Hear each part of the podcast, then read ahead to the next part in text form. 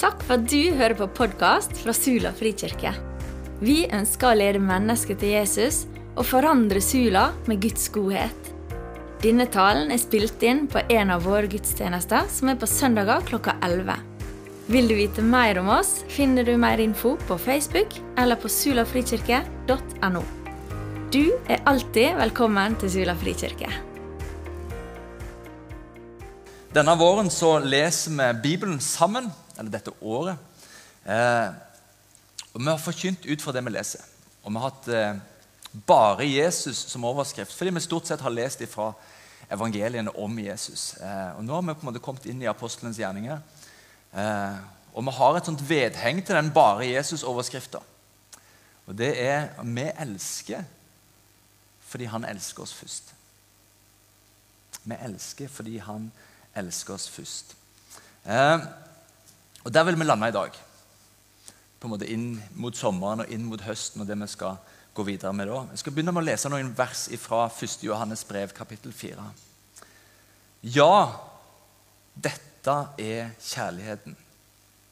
Ikke at vi har elska Gud, men at Han har elska oss og sendt sin sønn til soning for våre synder. Dette er kjærligheten. Så sier Johannes videre.: Mine kjære, har Gud elska oss slik? Da skylder også vi å elske hverandre.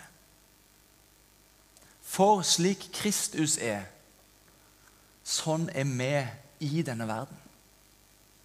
For som Kristus er, sånn som Jesus er, sånn er vi. Hans kirke, hans kropp i denne verden. I kjærligheten finnes det ikke frykt. Den fullkomne kjærligheten driver frykten ut. Vi elsker fordi han elsker oss først. Og dette er budet som vi har fra han. Den som elsker Gud, må også elske sin bror. Denne uka her har vi lest sammen fra apostlenes gjerninger om de første kristne som elsker sin verden, både med å gjøre godt for sin verden, men også med å forkynne om Jesus, vitne om det de har sett og hørt, for sin verden. For sine naboer, for sine landsmenn. Og Så blir de kasta i fengsel. Og Så blir de piska. Og så blir de forfulgt for det.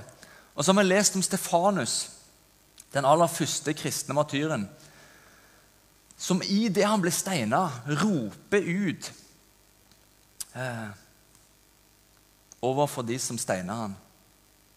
Bare hør. Mens de steina Stefanus, ba han og sa 'Herre Jesus, ta imot min ånd.' Så falt han på kne og ropte høyt, 'Herre, tilregn dem ikke denne synden.' Og Med disse ordene sovna han inn. Tilregn de ikke denne synden. Her har vi en bror, et forbilde, som ikke hadde seg sjøl. Som ikke hadde sitt eget liv, sitt eget forgodtbefinnende i fokus. Det var en som var helliggjort helt igjennom. Sånn at han kan si noe sånt til de som dreper ham. Og Det står at eh, hans ansikt var som en engels. Jeg har tatt med meg ei vekkerklokke i dag. Fordi jeg tror egentlig at det jeg skal si i dag, handler om Oi, det var godt beregnet. Det hadde jeg tima, men det tima ikke så godt. Eh, jeg tror det jeg skal si i dag, egentlig er litt sånn vekkerklokkebudskap. Høres ut som man øker i styrke dette her. Eh, jeg tror kanskje dette er en sånn wake-up call for oss. Eh, det er egentlig budskap i kort form. Og Det er et budskap som jeg gruer meg litt til å dele. For jeg kjenner at det, det rammer meg sjøl så veldig hardt. Det er ikke noe jeg liksom sier over dere. Det er, det er oss, liksom. Det er kristne i Norge i dag. Eh, men jeg opplever at, at Den hellige ånd har pekt på oss. Vi sier det var greit, da. Men dere forsto tingen. Ja, dere forsto budskapet. Og så håper vi at han ikke ringer igjen. Da går han i bakken. Sånn som gjerne vekkerklokka gjør. Eh, jeg tror på en måte Gud kanskje vil bare forsiktig bare liksom Akkurat som, du går til dattera di eller sønnen din liksom, på morgenen. Liksom, bare Vekke sånn forsiktig, ikke riste sånn, men liksom Hei, nå må du våkne. Eh, for hva skjer egentlig med oss? Vi har hatt 15 måneder med korona. Med isolasjon og med fravær av fellesskap med andre og fokus på oss sjøl. Og hva det har gjort med oss. La oss lese videre fra Romerbrevet, kapittel 13. Ha ingen skyld til noen annet enn det å elske hverandre. For disse budene sammenfattes i dette. Du skal elske din neste som deg selv. Dessuten vet dere hvilken tid det nå er. Timen er kommet, og dere må våkne opp av søvnen. For frelsen er oss nærmere nå enn da vi kom til tro. Timen er kommet da dere må våkne opp av søvnen. Fra Efeserne 5. Ha Gud som forbilde. Ha Gud som forbilde. Ha Gud som forbilde. Dere som er hans elska barn. Og det er vi. Vi er hans elska barn som Jesus ga sitt liv for. Men ha Gud som forbilde. Lev i kjærlighet, slik Kristus elska oss og ga seg sjøl for oss som en offergave. Som en offergave ga han seg sjøl for oss. En velluktende duft for Gud. Så skriver Paulus videre i vers 8.: En gang var dere selv mørke, men nå, i Herren, er dere lys. Lev da som lysets barn. Lysets frukt er all godhet, rettferd og sannhet. Vers 14. Våkn opp, du som sover. Stå opp ifra de døde, og Kristus skal lyse for deg. Pass derfor nøye på hvordan dere lever, ikke som ukloke mennesker, men som kloke så dere bruker den dyrebare tida deres godt. For dagene er onde. Vær ikke uforstandige, men forstå hva som er Herrens vilje. Våkn opp, du som sover. Stå opp, og Kristus skal lyse for deg. Hvis det er noe jeg er god på her i livet, så er det å sovne. Og kona mi ler, for det er helt sant. Hun er den, den som kan på en måte bevitne dette. da. Jeg kan sovne fra henne midt i en djup og intens samtale. Det er relativt irriterende.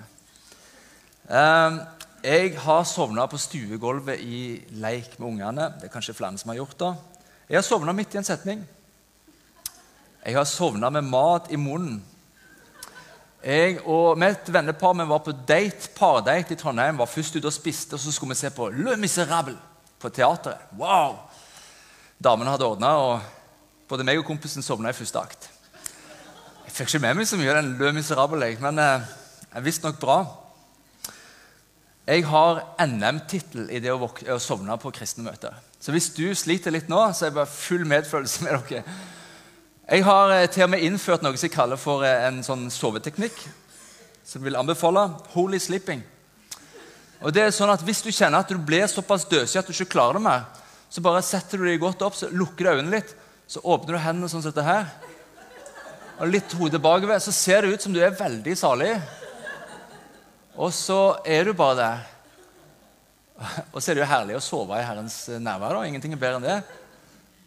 Men da kan du liksom ja, Holy sleeping, ta med deg den. Eh,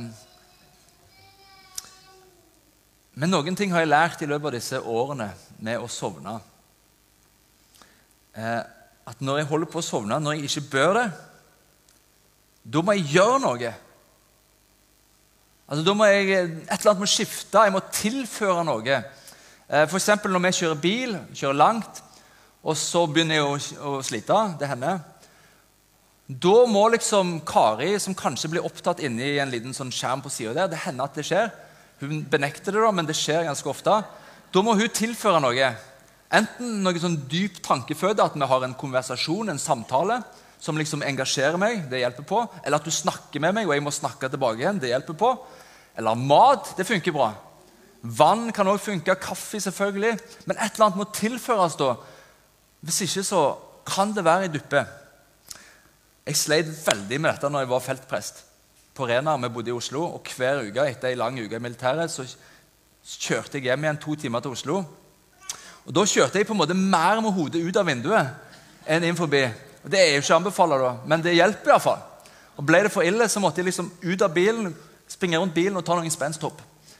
Du må gjøre noe hvis du holder på å sovne, fordi det er farlig å sovne. Enten du kjører bil eller du er en etterfølger av Jesus, så må vi ikke sovne. Vi må være våkne. Hva skjer når vi sovner? Jo, sansene våre sløves. Og du merker på en måte ikke hva som skjer med deg. Plutselig er du vekke. Plutselig har du ikke helt fått med deg hva som skjedde rundt deg. Og Bibelen er full av oppfordringer om at vi, vi må holde oss våkne. At det kan være litt risikabelt å ikke være våken og følge med. Og kanskje har vi sovna. Bare litt sånn bitte litt. da. Den, den første duppen, når liksom hodet detter ned sånn. Sant? Første gangen oi, så våkner du igjen. Ikke sånn at du har kommet sikkel ned og laga flekker nedpå her. Men ikke på det nivået. Men, men kanskje vi bare liksom sovna litt, da. Jeg tror kanskje at vi som er Guds folk i Norge, varsomt og kanskje uten å merke det, i denne tida har blitt byssa litt sånn forsiktig i søvn. Som gjør at sansene våre er blitt sløva, og vi ikke har fått med oss at det skjedde et, et skifte i fokus. Og hva vi gir oss til, og hva vi er opptatt av. Denne pandemien som vi er nå, og forhåpentligvis er på vei ut av, den kunne jo ha, ha vekka nøden i oss og måtte vekke det aller beste i oss. Nestekjærligheten, omsorgen og kjærligheten for Gud og andre. Men, det jeg syns jeg ser, er at pandemien har gjort oss mer sjølopptatt, mer egosentriske. Og Kanskje er ikke det så rart. For hva er det vi har hørt de siste 15 månedene? Ikke ha kontakt med andre! Hold avstand! Isoler deg! Dekk deg til, ikke klem. Vær i karantene. Hold deg unna.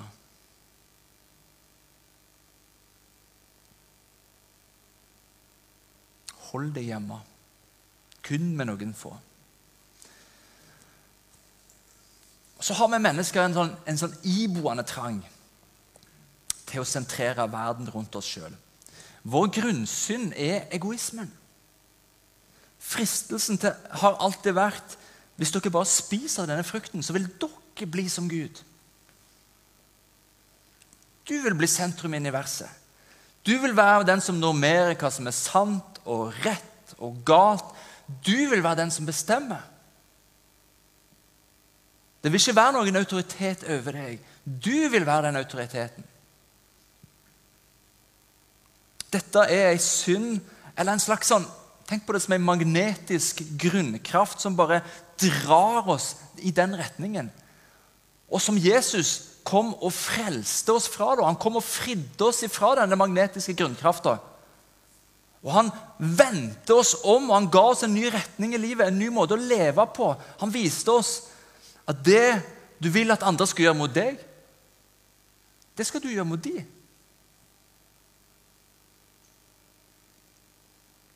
Eller på fotballspråket, siden det er EM nå. Du skårer ikke mål om du kun er opptatt av ditt eget mål. Jesus omvendte oss, og han rettvendte oss, ordna laget i et, en ny formasjon hvor vi ikke bare er opptatt av eget mål. Men han sier, 'Følg meg. Vi skal framover, videre utover på banen.' Vi har en sterk iboende hang til å sentrere verden rundt oss sjøl. I pandemien så er denne trangen bare blitt fida, fida, fida mer og mer. Jeg vet ikke om du gjenkjenner det, men jeg kjenner det i mitt eget liv. Etter å skulle ha holdt avstand til mennesker i lang, lang tid, etter bare å skulle holde seg til noen få nærkontakter, så har andre mennesker og hvordan de har det, kanskje ikke blitt like viktig for meg lenger. Ikke så nøye lenger om jeg stopper opp, om jeg går bort og prater med. Det er jo så lenge siden. og så, så skjuler vi oss bak munnbindet vårt og så nikker vi på avstand. Djevelen lokker oss til isolasjon.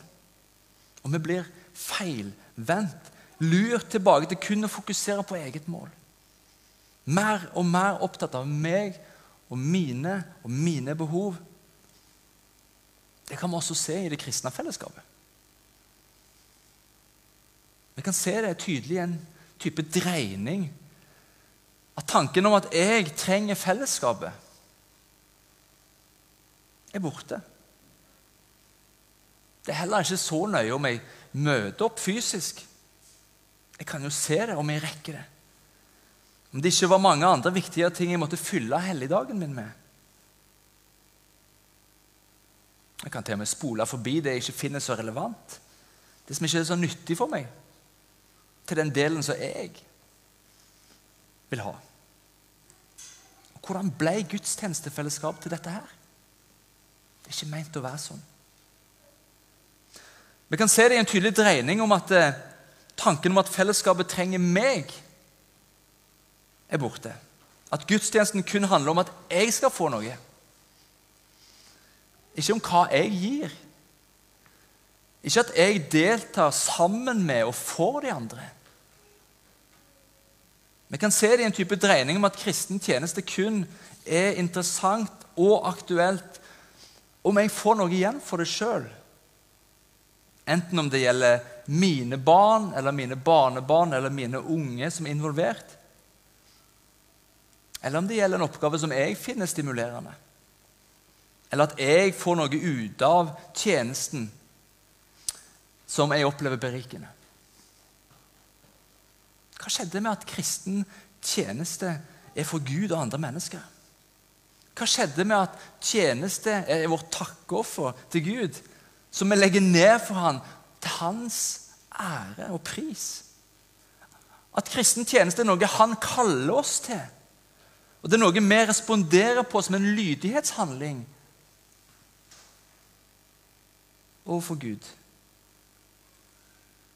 Vi kan se det i en, i en dreining om at mitt åndelige liv kun dreier seg om meg og Jesus. Ikke om at andre skal bli kjent med Jesus og følge ham.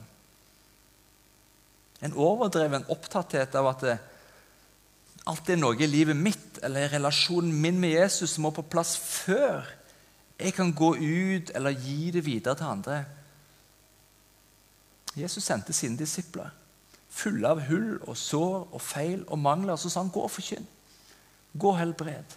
Gå og gi dem mat.' Og så lærte de langs med. Gjør alle mine folk til disipler. Og Det er i vekselvirkningen opp til Gud, inn i fellesskapet og ut til andre at vi vokser, at vi leges, at vi disippelgjøres, at vi blir helere mennesker. Vi kan se det i dreiningen om at dette mindre fellesskapet Hæ? Hva det var igjen? nært kristent fellesskap hvor vi bekjenner synd og lovsynger Gud sammen og ber sammen og får hverandre og leser Guds ord og prater om hva det vil si i livet mitt. Ja, det er helt ute av radaren vår plutselig. Er det det?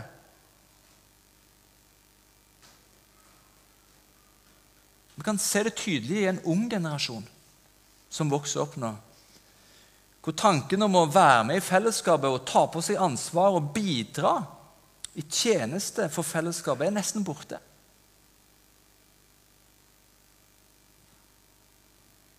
What's in it for me? Får jeg noe ut av det? Det er den naturlige tanken. Disse, alle disse tingene som en disippelgjøring egentlig avlærer når vi begynner å følge Jesus og bli rettvendt. Kanskje har de unge fått modulert kristent liv og tjeneste av oss. Og så ender det opp sånn.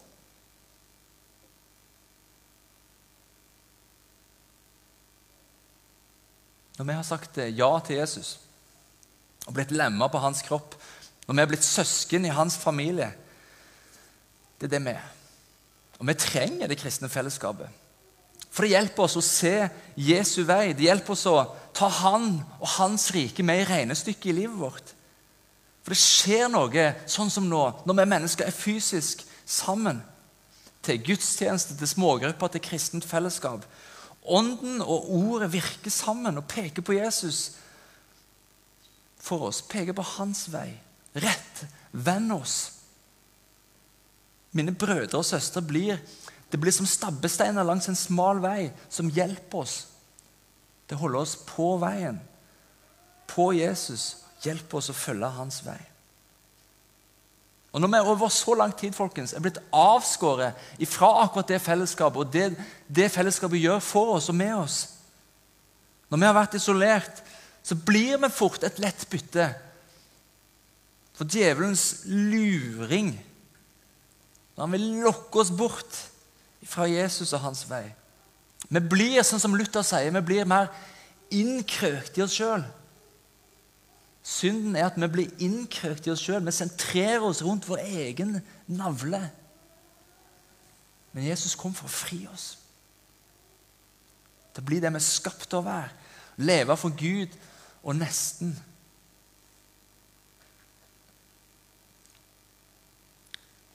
Synden, Satan, vil gjøre at vi blir mer opptatt av vår egen navle meg og mine, mine behov. Og mindre og mindre prega av Jesus sinnelag. Som Filippabrevet 2 beskriver, sett de andre høyere enn dere sjøl. Tenk ikke bare på deres eget beste, men også på de andres.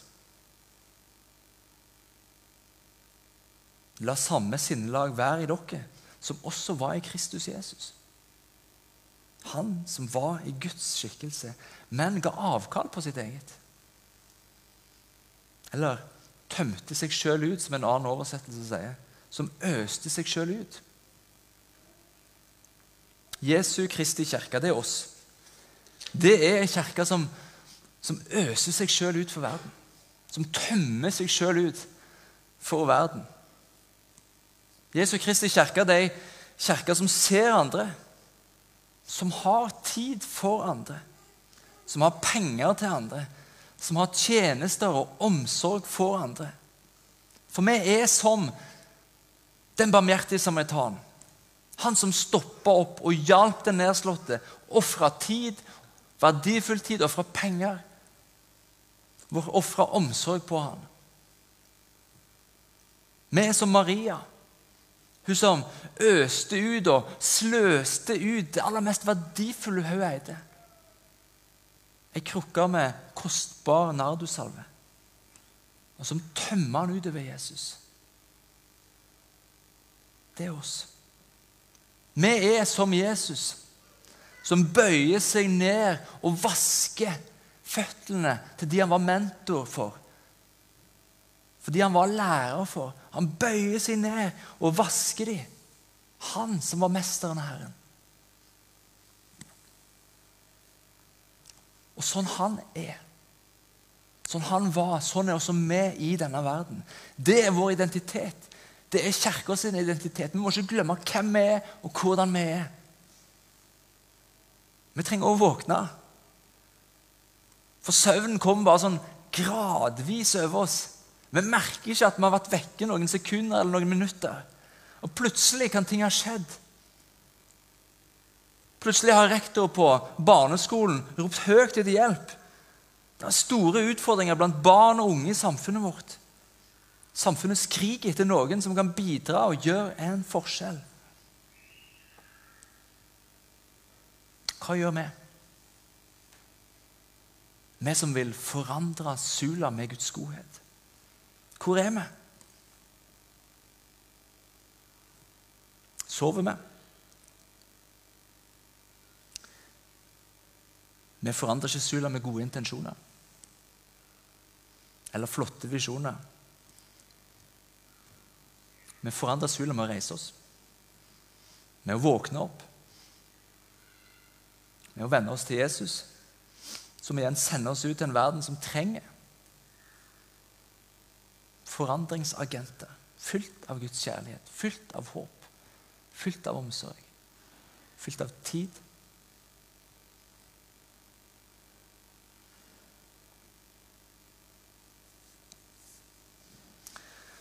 Jeg tror vi i denne tida er i ferd med å bli lurt litt bort ifra hvem vi er.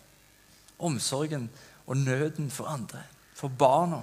Ikke bare mine barn, men andres barn. For ungdommene, ikke bare mine ungdommer, ikke bare våre ungdommer, men øyas ungdommer. Bort fra de som lider, bort fra de som ikke kjenner Jesus.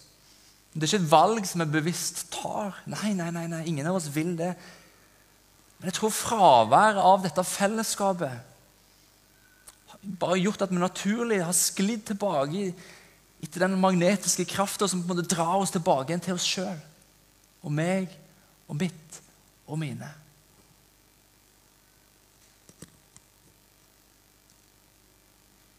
Og så tror jeg Gud sier til oss våkn opp. Du er skapt for mer enn det. Du er frelst til mer enn å leve for deg sjøl. Du følger meg. Jeg som forlot himmelen for deg. Jeg som bøyde meg ned og vasket dine føtter. Jeg som gikk i døden for deg. Du følger meg.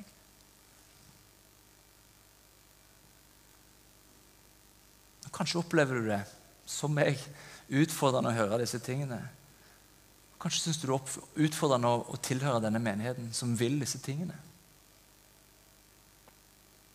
Kristen tro handler ikke først og fremst om å bygge meg sjøl opp og nå mitt fulle potensial.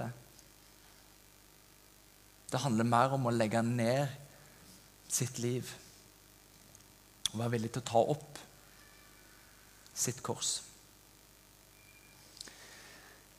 Vi er ikke et velværesenter eller et spa.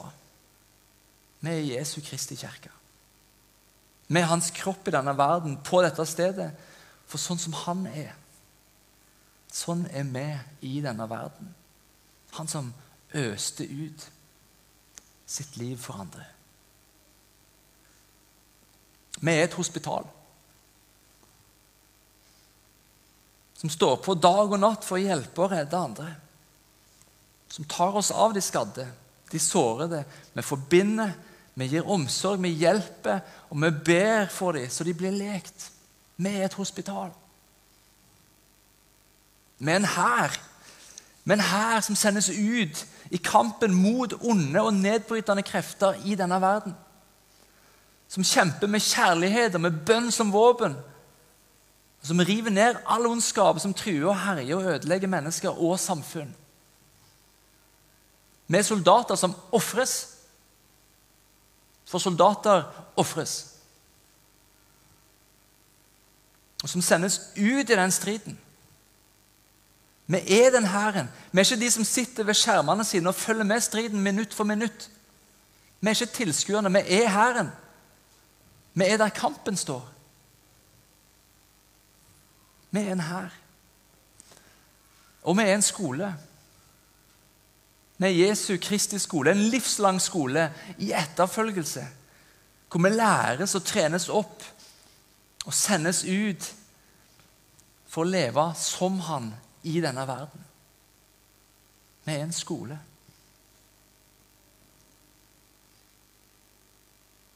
Og vi elsker fordi han elsker oss først. Vi gjør det ut av kjærlighet til Jesus. Han som sier at 'den som elsker meg, han gjør også det jeg befaler ham'. Vi vil gjøre sånn som han sier. Fordi vi vil elske han tilbake. Han som elsker oss først.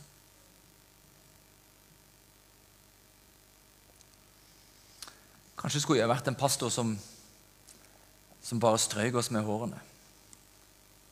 Det er lettest, og det er mest fristende. Men jeg kjenner i, i meg sjøl en, en, indre uro. da. For jeg kjenner også i mitt indre at jeg syns det er deilig. Og at det har vært deilig. Når det er lite som skjer. Når jeg kan bruke det meste av min tid, mine krefter, mine penger på meg sjøl og på mine. Så er ikke det hele det livet vi som etterfølgere er kalt til å leve. Ta dette som omsorg. Vær så snill. Ta det som, som kona som går bort og vekker mannen som ligger og sover på sofaen. 'Hei, kjære. Skulle ikke du på kino med kompisene dine? Filmen begynner nå. Du må dra.'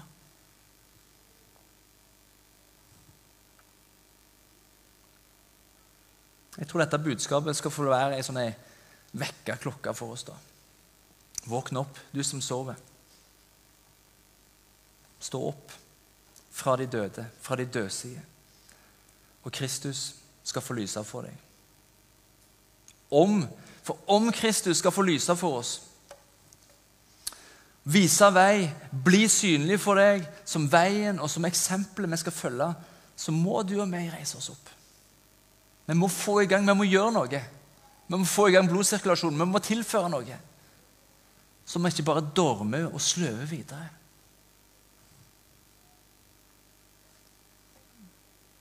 Hva med at du og meg, som gjenkjenner noe av dette her i eget liv, nå gjør det som er på en måte grunndisiplinen for en kristen disippel? Vi vender oss om, og vi vender oss til Jesus. Vi kommer til Han som er nådig, og vi sier 'hjelp oss'. Hjelp oss. Juster oss. Helligånd, korriger. Vis meg. Herre, du ser alt. Vis meg livet mitt. Vis meg prioriteringene mine. Vis meg tida mi. Vis meg hva du vil. Juster meg, korriger meg, rettvend meg. Det begynner med at vi reiser oss opp, og at vi er villige til å legge ned alt for ham.